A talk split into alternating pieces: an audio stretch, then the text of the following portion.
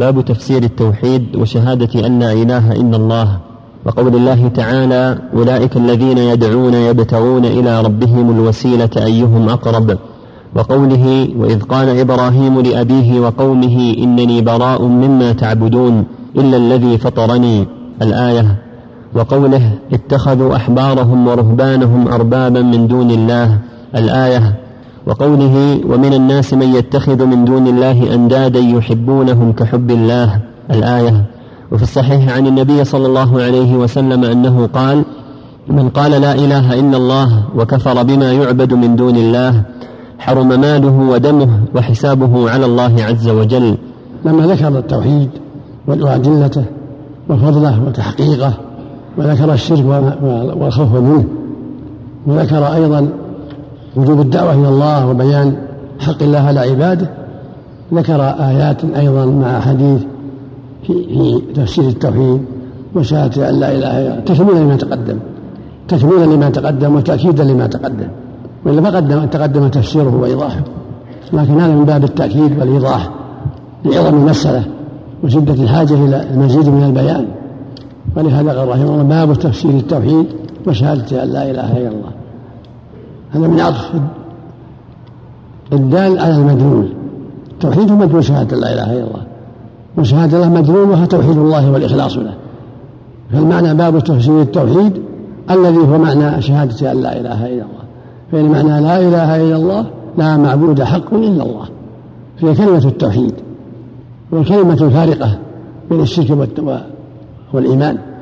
وهي أول كلمة دعت إليها الرسل. لا إله إلا الله. قال صلى الله عليه وسلم أمرت أن أقاتل الناس حتى يقولوا لا إله إلا الله. فإذا قالوها عصموا مني دماءهم وأموالهم إلا بحقها. وحقها الإيمان بأنه رسول الله ثم الإيمان بما أوجب الله وما حرم الله والعمل. يقول الله جل وعلا أولئك الذين يدعون يبتغون ربهم وسيلة أيهم أقرب؟ ويرجو رحمته ويخافون عذابه. ذكر الآية الدالة على الشرك لأن ضد الشرك هو التوحيد الآيات في الباب في الباب في تفسير الشرك ضده. فإن الشرك هو ضد التوحيد.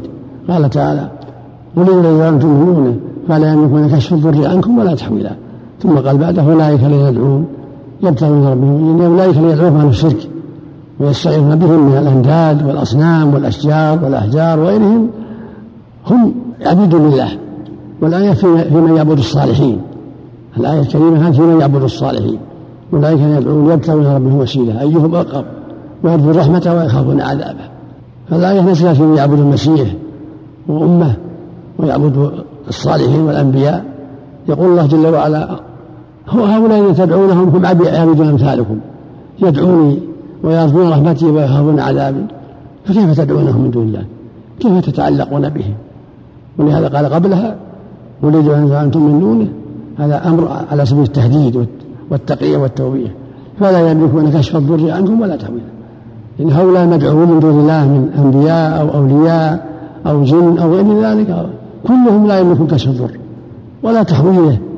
لا يملك كشف الضر بالكلية ولا تحويله من حال إلى حال من شدة إلى ضعف أو من عضو إلى عضو لا يملكون ذلك كله بيد الله سبحانه وتعالى. ثم بين حالهم قال أولئك لا يدعون. أولئك لا يدعو يدعوهم أهل الشرك. يبتغون إلى ربهم وسيلة مثل عيسى وأمه مثل الملائكة والأنبياء ويرجون رحمته ويخافون عذابه. إن عذاب ربك كان محذورا فكيف تدعونهم من دون الله؟ وهم عبيد مثلكم. يدعون يبتغون الوسيلة إلي والوسيلة القربة إليه بالطاعة. إلى ربهم وسيلة يعني القربة إليه بالطاعة. ويرجون رحمته ويخافون عذابه. قال تعالى وإذ قال إبراهيم لأبيه وقومه إنني براء مما تعبدون. إلا الذي فطرني فإنه سيهدين. هذا هو التوحيد. البراءة من الشرك والإخلاص لله جل وعلا. هذا هو التوحيد. براءة من الشرك. وترك له وحذر منه وتخصيص الله بالعبادة جل وعلا. هذا هو توحيد الله الذي جاءت به الرسل. نوح وهود وصالح ومن بعدهم وإبراهيم ومن بعدهم. قال تعالى اتخذوا أحبارهم ورهبانهم أربابا من دون الله ومسح المريم يعني اتخذ المشركون باليهود والنصارى أحبارهم ورهبانهم من دون الله. الأحبار العلماء والرهبان العباد اتخذوا أربابا يدعونهم ويستغيثون بهم ويدعونهم يعني أتوا الشرك الأكبر. وما أمروا إلا ليعبدوا إله واحدا. لا إله إلا هو سبحانه عما يشركون. المشركون اتخذوا اخبارها والمسيح ابن مريم كذلك عبده النصارى وعبد الأمة. فظلوا بهذا وكفروا. والواجب ترك ذلك. والحذر من ذلك. وإخلاص العباده لله وحده. قال تعالى ومن الناس من يتخذ من دون الله أندادا يحبونهم كحب الله. بعض الناس يتخذ أندادا من دون الله. من ملائكة أو أنبياء أو جد أو غير ذلك. يحبونهم كحب الله. والأنداد الأشباه والنظراء يتخذوا أندادا يشبهونهم بالله يدعونهم مع الله يستغيثون بهم ينظرون لهم وهذا هو الشرك الأكبر. ولهذا قال بعد في آخرها كذلك يريهم الله أعمالهم حسرات عليهم وما هم بخارجين من النار. فالواجب تخصيص الله بالعبادة والحذر من عبادة ما سوى من ملك أو نبي أو شجر أو صنم أو جن أو غير ذلك. العبادة حق الله وحده وما أمروا إلا ليعبدوا الله مخلصين له الدين حنفاء. قال سبحانه فاعبد الله مخلصا له الدين الا لله الدين الخالص. قال عز وجل وقضى ربك ألا تعبدوا إلا إياه. قال سبحانه إياك نعبد وإياك نستعين. قال سبحانه ذلك بأن الله هو الحق وأن ما يدعون من دونه هو الباطل. وقال النبي صلى الله عليه وسلم حق الله على العباد أن يعبدوه ولا يشركوا شيئا وقال عليه الصلاة والسلام من مات وهو يدعو لله ندا دخل النار. قال عليه الصلاة والسلام من لقي الله لا يشرك به شيئا دخل الجنة ومن لقيه يشرك به شيئا دخل النار. فالواجب على جميع المكلفين من الجن والإنس الحذر من مثال الشرك وأن تكون عباداتهم لله وحده. من دعاء وخوف ورجاء وصلاة وصوم وحج وغير ذلك كله لله وحده لكن يستعان بالمخلوق الحاضر لا بأس. الحي الحاضر القادر يستعان به فيما يقدر عليه. هذا ليس من الشرك. كما قال الله عن موسى فاستغاثه من سيئته قال من عدوه. أو تقول لأخيك ساعدني على إصلاح السيارة ساعدني على عمارة بيتي على إصلاح المزرعة. لا بأس بهذا. أو بالمكاتبة. أو بالتلفون تقول له سافعل كذا وافعل كذا لا بأس. لكن تدعو الميت أو الغايب بغير وسيلة الغايب تعتقد أنه يعلم الغيب أو يسمع كلامك هذا هو الشرك الأكبر كما فعل المشركون مع الجن ومع الملائكة ومع الغائبين من يعتقدون بهم الصلاح.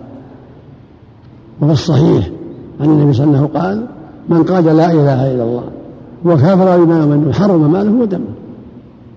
وفي اللفظ الآخر من وحد الله وكفر بما يظنون حرم ماله ودمه وحسابه على الله عز وجل. رواه مسلم من حديث طارق بن أشرف يبين صلى الله عليه وسلم من وحد الله وخصه بالعبادة وكفر بما من دونه قد عصم ماله ودمه يعني أتى بالتوحيد أصل التوحيد. هو معنى شهادة لا إله إلا الله وأن محمدا رسول الله. إذا أخلص لله العبادة وحده وكفر بما من دونه أنكر الشرك وتبرأ منه وكفر به وخص الله بالعبادة مع إيمانه بالرسول صلى الله عليه وسلم والشهادة بأنه رسول الله فقد حرم نفسه على ودمه على على النار. حرم ماله ودمه. في حرم ماله ودمه في الدنيا وحرم على النار في الآخرة. يعني صار معصوما مسلما يحرم ماله ودمه وصارت له جنة يوم القيامة. ولهذا قال وحسابه على الله. يعني فيما يأتي بعد هذا من بعد التوحيد.